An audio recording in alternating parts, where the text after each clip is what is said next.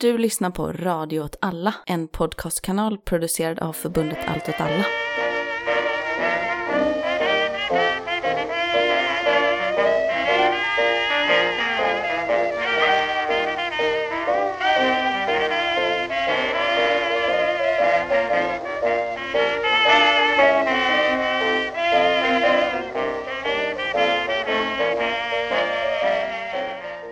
Hej och välkomna till Vad händer Gbg? En podd om lokalpolitik i Göteborg från ett vänsterperspektiv. Jag heter Martin och med mig har jag Johanna. Hallå? Hur är det med dig Johanna? Jo då, det är bara bra. Det, vi pratade innan om att eh, våren har kommit till Göteborg. Det, det är som när man ska skriva veckobrev till eh, eller klasser, att man alltid skriver någonting om vädret. Det är klass, klassiska ämnet att öppna med. Vad ska du prata om idag, Johanna? Jag tänkte prata om hur eh, AB Framtiden, alltså Göteborgs kommunala fastighetsbolags åtgärdsplan i de så kallade utsatta områdena hänger samman med den amerikanska immigrationspolitiken. Jaha, oj, spännande. Eh, jag själv ska ju prata om eh, det nya programmet till bostadsförsörjningen som vi har fått antaget i Göteborg. Men innan det så tänkte jag att vi bara skulle prata om en sak som har hänt nyligen i grundskolenämnden. Som är att Jenny Broman från Vänsterpartiet har skrivit en motion, alltså ett förslag till kommunen som är att man ska, att man ska erbjuda mensskydd till alla elever på skolans toaletter. Och det är Ja. ganska rimligt. Ja, alltså det är, ja precis. För att man kanske inte alltid kan gå till skolsystemet. Ja. eller vad det är. Ja, ett till hands. Bra. Men Sverigedemokraterna i grundskolenämnden, de tyckte inte det här var ett bra förslag. Liksom när man, när man lägger fram sådana här förslag i de här olika nämnderna får alla partier tycka till och vissa säger så här, men det här är inte en prioriterad skola, skolan ska bestämma själva eller något sånt. Men Sverigedemokraterna de valde att skriva det här typen av svar på den här motionen. De tyckte att eh, hygienrutinerna i Göteborgs stads skolor ska ses över och att man ska tillhandahålla tvål på alla skolans toaletter för att garantera god hand och intimhygien för alla elever som menstruerar. Mm, det var ju väldigt eh, spännande svar av Sverigedemokraterna. Det är ju ganska intressant att man ska, istället för att fokusera på att man ska ha mensskydd, så ska man ju fokusera på att det ska finnas tvål. Mm. Vilket man känner att, det, jag tyckte, jag tänker att de inte ens... eh, Det känns som en icke-fråga. Det känns som att tvål på skoltoaletter, de måste ändå funnits sen, jag vet inte, kanske typ sen eh, skolplikten infördes. Det trodde jag redan var någonting som skolor ska tillhandahålla på toaletter. Av Ja. andra skäl än mens. Ja, och speciellt nu med corona så tror jag att det är väldigt svårt. Alltså, på lågstadiet så gör man Mm. inget annat än att skrika på barnen och tvätta händerna. Så jag tänker att det här med tvål är väl liksom, det har säkert köpt in sjuka mängder tvål det senaste året. Ja, så jag tänkte att Sverigedemokraterna måste helt enkelt vilja poängtera att man tycker att man ska hantera menstruation och mens med hjälp av tvål. Ja, jag tror att de verkligen vill. Jag funderar lite på om det är så att det inte finns några kvinnor i Sverigedemokraterna i Göteborg. Eller Mm. om det helt enkelt är så att de inte vågar, de är så kuvade att de inte vågar liksom eh, lyfta fingret och påpeka hur mens funkar. Jag vet ju personligen inte exakt hur mens fungerar. Nej, Så jag bestämde mig för att ringa några sjuksköterskor och fråga dem om Sverigedemokraternas förslag på hur man ska hantera mens. Ja, hallå? Hej, är det en sjuksköterska jag pratar med? Ja. Om man har menstruation, är det en god idé att då använda tvål i underlivet för att hantera det? Eh, nej, nej det är det inte. Okej, tack för svaret.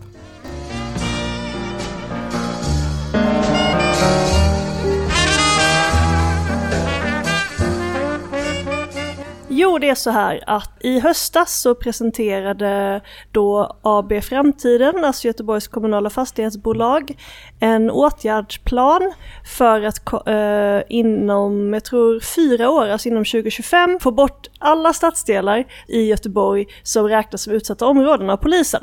Alltså det är liksom de områden som man anser, här finns det risk för kriminalitet. Ja, precis. Det finns, jag tror att det finns tre olika kategorier och det ena är att man är i risk att bli ett Mm. utsatt område, det andra är att man är ett utsatt område och det tredje är att man är ett särskilt utsatt område. Mm. Och då betyder det ju att eh, det är högre kriminalitet och man upplever att de sociala insatserna i området inte fungerar. Mm. Alltså polisen har egentligen varit ganska tydlig från början med att den här listan handlar inte om egentligen vilka polisiära åtgärder som behövs, Mm. utan det är någon slags rop på, alltså faktiskt är polisen någorlunda rimlig i det här, Mm. att de menar att det här krävs ökade sociala insatser. Det är resten av samhället som ska steppa in. Alltså de säger så här, det här är inte vårt ansvar egentligen. Ja, precis. Mm. Eller bara vårt ansvar kanske. Och då är det ju så att det är en stadsdel i hela Sverige som har lyckats eh, komma bort från den här listan. Eller de har i alla Mm. fall nedgraderats från särskilt utsatt till bara utsatt eller utsatt till risk för. Mm. Och det är då Gårdsten. Sen 1997 så har då det kommunala fastighetsbolaget i Gårdsten, man liksom, man har gjort ett, ett särskilt fastighetsbolag för Gårdsten som heter Gårdstensbostäder. Mm. Och de har då utarbetat någonting som heter Gårdstensmodellen. Mm. Och det vill man då implementera i hela Göteborg på alla de här områdena. Det är då sex stycken i Göteborg. Det ser ju utåt sett ut att vara en- liksom en framgångssaga. Mm. Man har lyckats eh, få ner kriminaliteten i Gårdsten, man lyckas få upp eh, skolresultaten och man har skapat en bättre miljö för de boende. Mm. Problemet är ju då såklart att nu tänker ju sig kommunen att man på något sätt genom att pumpa in jättemycket pengar, det är 11 miljarder kronor Mm. som eh, AB Framtiden då ska pumpa in i de här områdena, så kan liksom bostadsbolagen lösa de sociala problemen i Göteborg. Det är det som är Gårdstensmodellen. Ja, Mm. det är att själva, man skapar ett kommunalt bolag liksom, Mm. som är specifikt för den här stadsdelen. Mm. Eh, Så i Gårdsten heter det Gårdstensbostäder och man kan tänka sig att det heter, skulle heta Frölundabostäder eller Tynneredsbostäder. En annan aspekt av det hela är ju också att det finns ju forskning som visar att hela anledningen till att Göteborg är så korrupt, Mm. alltså hela Muteborg-situationen, uppkom delvis på grund av att man har så jäkla många kommunala bolag. Eh, Men då vill man skapa fler kommunala bolag i alla fall Mm. i Göteborg. Och då ska det vara ett för varje av de här stadsdelarna. Då är ju tanken att man ska inkludera de boende, Mm. och det är ju förstås positivt. Man ska jobba långsiktigt. Men det är också vissa av de här åtgärderna som kanske räknas som eh, kontroversiella och det medger man själv. Och då av det ingår till exempel att Gårdstensbostäder bestämde sig för att få bostad Mm. via dem så var man tvungen att ha en förvärvsinkomst. Så att alla personer som gick på socialt bistånd eh, förvägrades bostad. Jaha, så man fick inte bostäder i Gårdsten? Utan de, alla, alla hus hade som policy att du kan inte få bostad här om du inte har ett jobb. Okej, ö, mm, ja. Mm. Och det, det var lite det vi var inne på i julas när vi pratade Mm. om vårt budgetavsnitt, att man Mm. försöker byta ut befolkningen. Ja. Och det har varit ganska uttalat syfte också.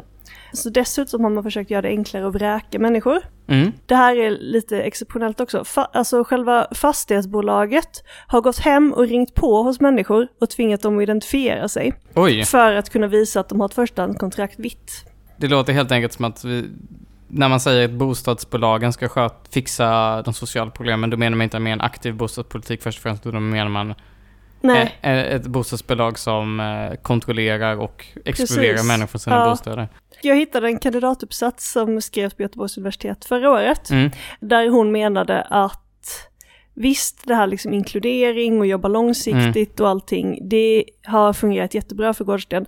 Men hon menade att de här eh, mer auktoritära åtgärderna var det som kanske egentligen avgjorde skillnaden mellan Gårdstenbostäder och andra stadsdelar Mm. som gjort liknande grejer. Och då var hennes tes att eh, genom att skapa, liksom pumpa in lite pengar och liksom rusta upp fasader och göra det finare i boendemiljön så har man skapat någon form av legitimitet Mm. från bostadsbolagets sida. Och då har man därför kunnat få, eh, den här legitimiteten har gjort att människor accepterat mer repressiva åtgärder. Och det är ju egentligen ganska intressant att man, för det var ju då en uppsats i statsvetenskap, att hon på något sätt liknar gårdstensbostäder Mm. vid staten. Ja, Och hela, det är ju egentligen hela problemet också med det här, när man försöker använda det i fler stadsdelar. mm. Det kom en debattartikel i GP, jag tror igår eller för några dagar sedan, av till, till exempel Ove Sernhede och Håkan Törn och Katarina Törn som handlade just om det. Att, det är sådana bostadsforskare och aktivister kan man ja, säga. ja precis. Ja. Och, ja, Mm. Att det är helt absurt att man använder kommunala bolag för att göra liksom, politikernas jobb. Ja, För samtidigt har vi också sett hur liksom, de sociala insatserna och socialtjänsten rustats ner. mm. det blir ju också en situation där inte bara polisen ska vara poliser utan också Mm. SOS, så socialtjänsten ska vara poliser och kontrollera om folk bor svart eller vitt. Och nu även folk i Ja. bostadsbolagen ska Ja, vara... Företag ska agera som poliser. Mm. Eh, och det blir ju en jättekonstig situation. Och till exempel någonting man jobbar med mycket i det här hur liksom boendemiljön, alltså det yttre. Mm. Eh, och man pratar också om nolltolerans mot eh, graffiti Mm. och man ska sanera klotter inom 24 timmar och nolltolerans mot kriminalitet. Och det här påminner mig väldigt mycket om eh, den typen av politik som fördes i amerikanska storstäder på 80-talet. Det är väl mycket så här, New York har väl haft Ja, precis. just den typen av politik. Och det är den här idén om, om nolltolerans Mm. eh, som kommer från en eh, sociologisk teori. De, sk- eh, det var två sociologer på, i början av 80-talet som skrev en artikel som, där de lanserade en teori som heter Broken Windows-teorin. Mm. Som handlar om att eh, de arbetarstadsdelar som, man, som de har tittat på, där det var minst kriminalitet och folk upplevde störst trygghet, det var Mm. de där det inte var där det inte var krossade rutor och där småbrottsligheten var låg. Mm. Och det tros ju då av politikerna och av Mm. liksom polisen i USA som ett recept på hur man ska nå eh, mindre kriminalitet överhuvudtaget. Så tanken är att men om vi stoppar de här småbrotten, Mm. alltså se till att men vi, ingen kan ägna sig åt graffiti, ingen Mm. kan krossa en Precis. ruta, då kommer, ing, kommer det liksom inte växa och bli mer brott. Nej, exakt. Så. Och det ledde ju till att eh, den amerikanska, det amerikanska polisväsendet stoppade jättemycket människor Mm. och eh, visiterade dem. 87% var svarta eller latinos. Mm. Eh, liksom hela förtroendet för polisen sjönk i botten, människor blev trakasserade, man började liksom gripa in mot all typ av mindre brottslighet. Mm. Det var ju bara problemet var ju att det här var ju inte de här två sociologernas idé, utan de menar ju att i områden där människor tar hand om sitt område och där Mm. människor ser efter varandra, där det finns gemenskap och där människor är trygga tillsammans, där Mm. kommer det vara mindre kriminalitet. Jaha, så det är liksom det är individualismen som är problemet snarare? Ja, det handlar precis, det Mm. handlar inte om att eh, polisen eller staten ska gå in och stoppa brott, utan det handlar om i vilken typ av miljö människor är benägna, alltså Mm. vilka förutsättningar som krävs för att människor ska till exempel slå sönder inte, en gatlykta eller en bil i sitt eget område. Då Och ser det- man inte det som en del av sig själv liksom? Nej, precis. Ja. Och det är lite samma problematik nu när man försöker liksom skapa, för att det som, all, det som behövs som de pekar på också är ett Mm. starkt civilsamhälle. Ja. Och det har man ju, i, i, i New York har man ju lämnat äntligen den här eh, nolltoleransen mot småbrottslighet och den här broken windows-teorin för att satsa på vad de faktiskt menade. Mm. Vilket är att polisen ska arbeta förtroendeskapande och inte trakassera människor. Nu har det ju gått sådär för det är fort, Mm. ja, de USAs polis har ju fortfarande lite problem med rasism, minst sagt. Eh, men, Ja. men också att man bygger upp civilsamhället, eh, att man lägger pengar på områden, att, man, eh, att människor liksom blir delaktiga i sitt eget område. Och den delen har ju ändå Gårdstens modellen försökt plocka upp, men istället för att man stärker befintligt civilsamhälle Mm. så går man in och försöker skapa av bostadsbolagen sanktionerade samlingsplatser för människor. Just det, det är liksom det som kontrolleras av kommunen snarare, eller av företaget. Ja, och de boende upplever ju att det spelar ingen roll att de får sitta kanske i, få plats i styrelsen, Mm. för de är ju fortfarande, alltså det är vanliga boende. Mm. De har ju ingen kunskap om liksom hur man driver ett bostadsbolag. Nej. Det blir liksom bara en symbolpolitik. Mm. Men det känns också som att om man, om man säger så att det är bara de som har jobb som får bo i ens bostäder. Eller kanske alla nya, bost, alla nya Mm. lediga lägenheter, antar jag att det handlar om då. Ja, Ja. Vad, vad har man då löst för problem? För att de, de flesta brottslingar är väl in, är ju människor som kanske är arbetslösa. ja precis. Det, Alltså, det blir ju att Göteborg flyttar runt det, samma människor till olika områden med samma resultat. alltså från toppnivå så borde ju det här, borde det här ses som ett ganska dumt eh, förslag. Men det är väl möjligtvis då att man tänker sig om vi gör det i alla bostadsområden, då kommer man skicka- ut dem från kommunen helt, och hållet. Mm, Kanske kan- skicka in dem i Kungälven eller Ja, någonstans. social dumpning kan Ja. man ju ägna sig åt då väldigt effektivt. Och det är också en aspekt av att eh, till exempel så renoverade man jättemycket Mm. bostäder i Gårdsten. eh, men eh, de fina topprenoverade lägenheterna fick bara folk som kom utifrån bo i. Så det, hand, det handlar liksom återigen om att byta ut befolkningen i ett område. Och tänka att det löser sociala problem istället för att politikerna faktiskt löser sociala Mm. problem politiskt. Liksom politiken att låta fastighetsbolagen agera liksom eh, träda in det Mm. Alltså det är väldigt intressant för att någonstans så finns det ju den här liksom eh, högerretoriken Mm. att samhället har uh, trätt undan i de här eh, områdena. Men det är ju det man gör också, alltså man Mm. låter ju, man skapar ju en stat i staten Mm. och staten är ett, ett eh, vinstdrivande företag. Mm. Även om det är ett kommunalt bolag så är det ju likväl, det är ett aktiebolag. Ja. Och det, syftet är ju att generera vinst. Mm. Och det blir en väldigt konstig eh, signal också. Mest obehagligt att man kallar det för modellen liksom. Som det här är någonting vi Mm. ska ta efter. Och se som ett framgångsexempel. Ja, och den här idén också, det är ju så typiskt också att, att vi försöker liksom, alltså Sverige sneglar väldigt gärna på USA Mm. eh, och försöker ta efter. Jag såg att eh, det fanns en debattartikel för bara något år sedan som handlade om att eh, varför, varför har inte Sverige anammat den här modellen med Mm. nolltolerans mot små- småbrottslighet? Det har ju funkat så bra i USA. Mm. För man har helt missat att det här var en jättestor fiasko. Ja. Och det har ju också spridit sig, den här hårdare tag-mentaliteten har ju spridit sig till rikspolitiken Mm. till exempel. Så att jag läste en artikel i, i DN som handlade om det här, eh, där man visade på att eh, den här nolltoleransen har istället börjat användas i migrationspolitiken. Mm. Så att en, det här exemplet var en man som hade plankat på tunnelbanan Mm. i New York och sen blivit utvisad för att ja, han har begått ett brott. Just det. Och då hade han bara plankat på tunnelbanan. Och det hänger ju ändå samman, liksom allt det här. För att samtidigt så har vi ju ett, ett ökat rutavdrag till exempel för att människor ska kunna leja sina egna väktare.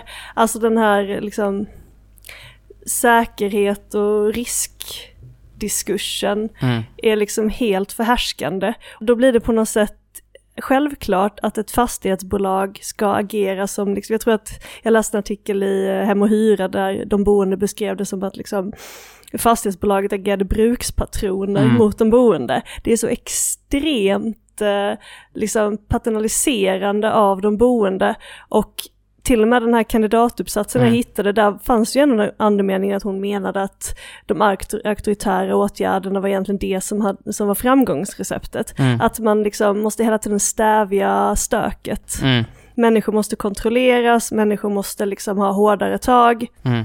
och samtidigt så ska man eh, liksom skyffla undan en, en stor andel av människorna så att de inte syns alls.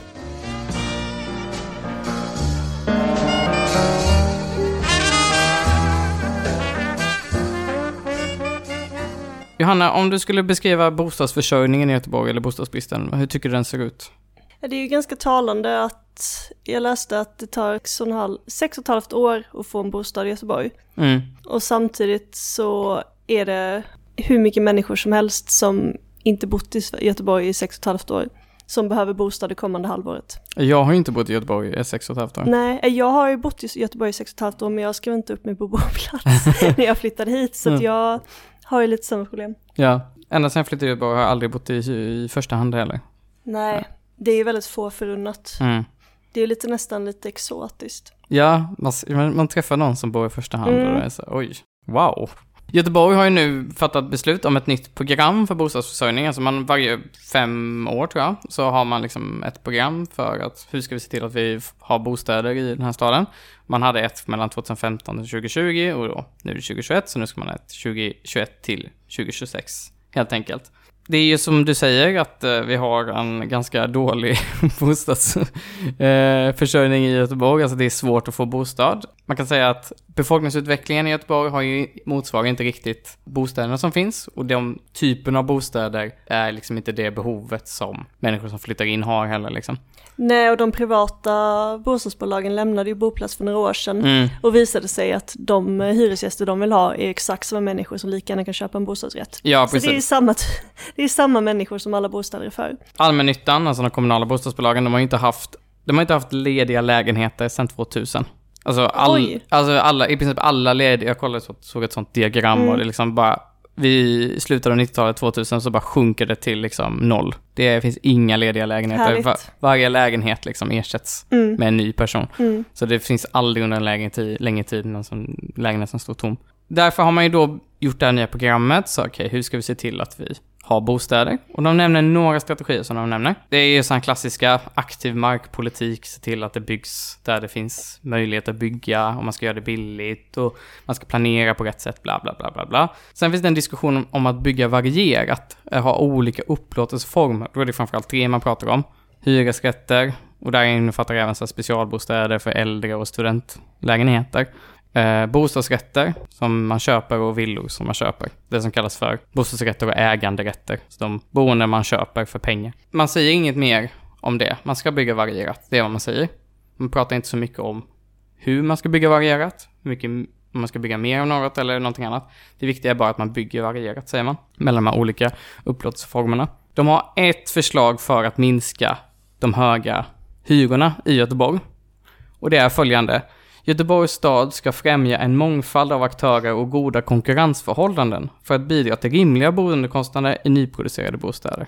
Så genom att vi har många olika byggbolag som konkurrerar med varandra, eller många fastighetsbolag som konkurrerar med varandra, så kommer bostadspriserna att sjunka i Göteborg, är tanken. Alltså bara klassisk nationalekonomi, tillgång och efterfrågan. Det känns som att de missade den första delen i, i eh, den delen, det är tillgången i Göteborg, Ja. är ju, det är ju en brist. Ja, Så jag, när jag ska, om, jag, om man tänker sig den här modellen som är att om vi konkurrerar många med varandra, jag har många olika, jag vet inte, tröjor att välja på, olika klädföretag går till att handla mina kläder. Då går jag till den som är billigast och då tvingas de andra att sänka sina priser, är ju tanken liksom.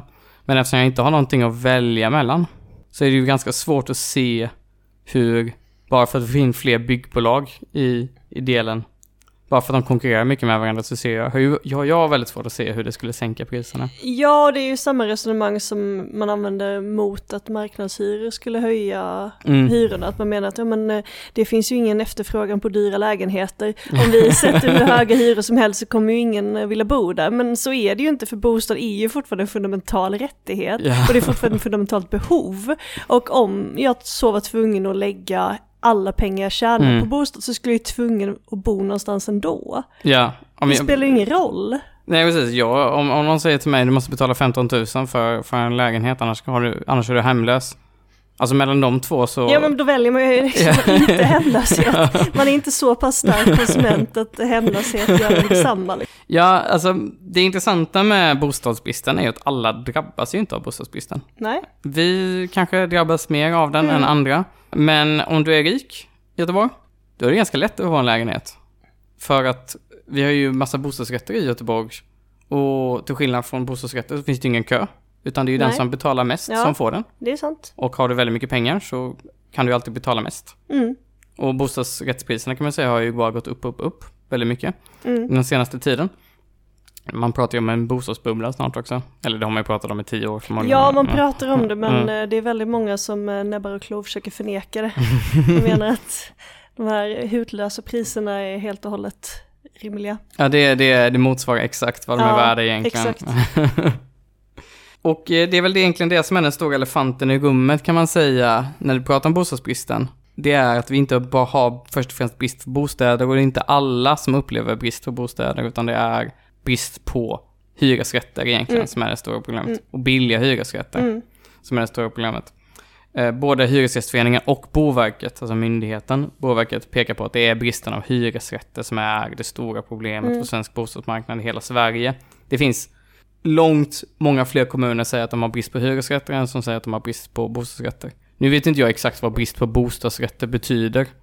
Om, Jag, skulle, men jag tänker att man skulle säkert kunna argumentera utifrån om man, om man var en Mm. person som bodde i Stockholm och Mm. som ändå hade en fast inkomst mm, över liksom 30 000 och så kan man inte få tag på någon bostadsrätt eh, mm, innanför, jag vet inte, det är tullarna som Ja. i Stockholm.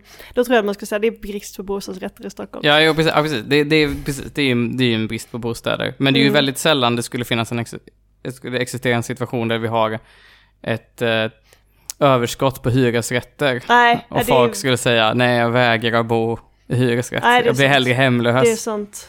Det är alltså, sant. för män, när människor inte får hyresrätter så tänker jag en grej som händer är att människor bor i andra hand eller Ja. blir hemlösa eller, eller vad det nu kan vara. Liksom. Men det finns ju samhällsgrupp som har väldigt stort behov av att byta ut köket i lägenheter i Just det.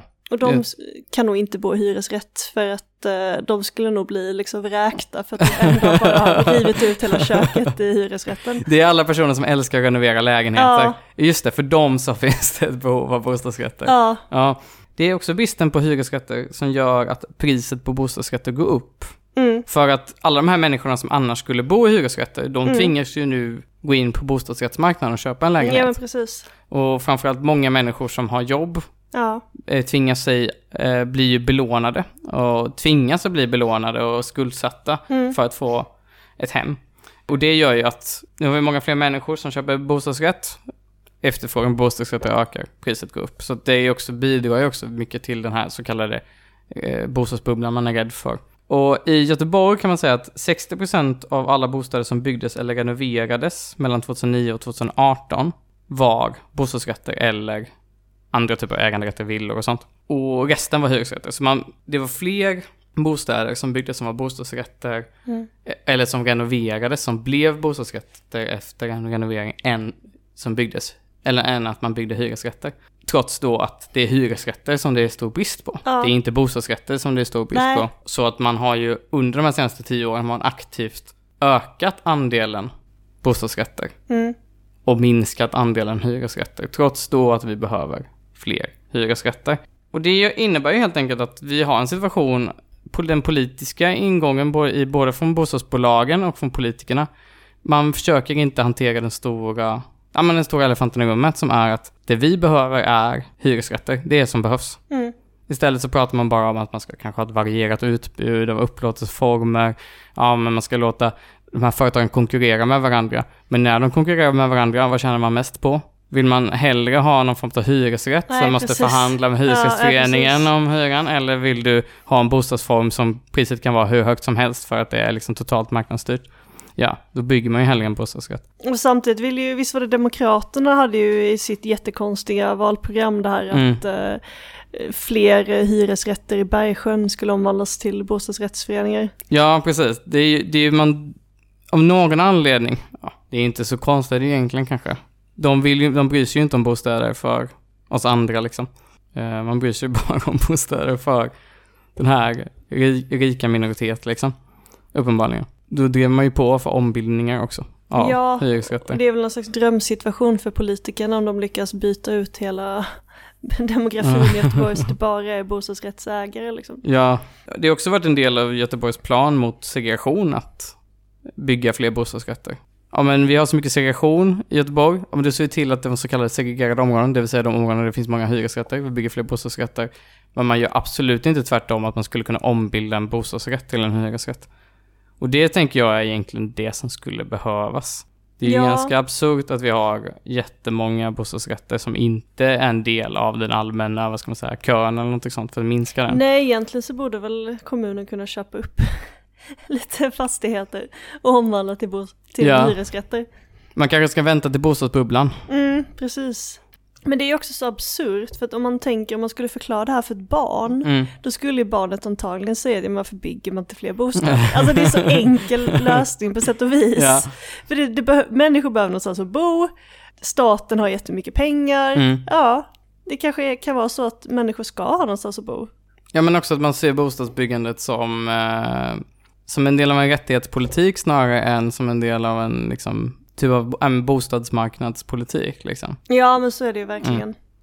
För att man tänker sig, hur ska vi hjälpa de här företagen att bygga bostäder utifrån deras eh, målsättning som är att tjäna så mycket pengar som möjligt. Snarare än att tänka, hur ser vi till att det byggs bostäder till de människor som behöver bostäder? Ja, för någonstans, alltså miljonprojektet är ju väldigt bespottat Mm. och det finns ju väldigt mycket problem såklart som uppstått Mm. nu på grund av att de inte renoveras och så. Men det fanns ju ändå en ambition att bygga en miljon bostäder. Ja. Och den typen av ambitioner kanske man hade velat se nu också. Mm. Ja, men verkligen.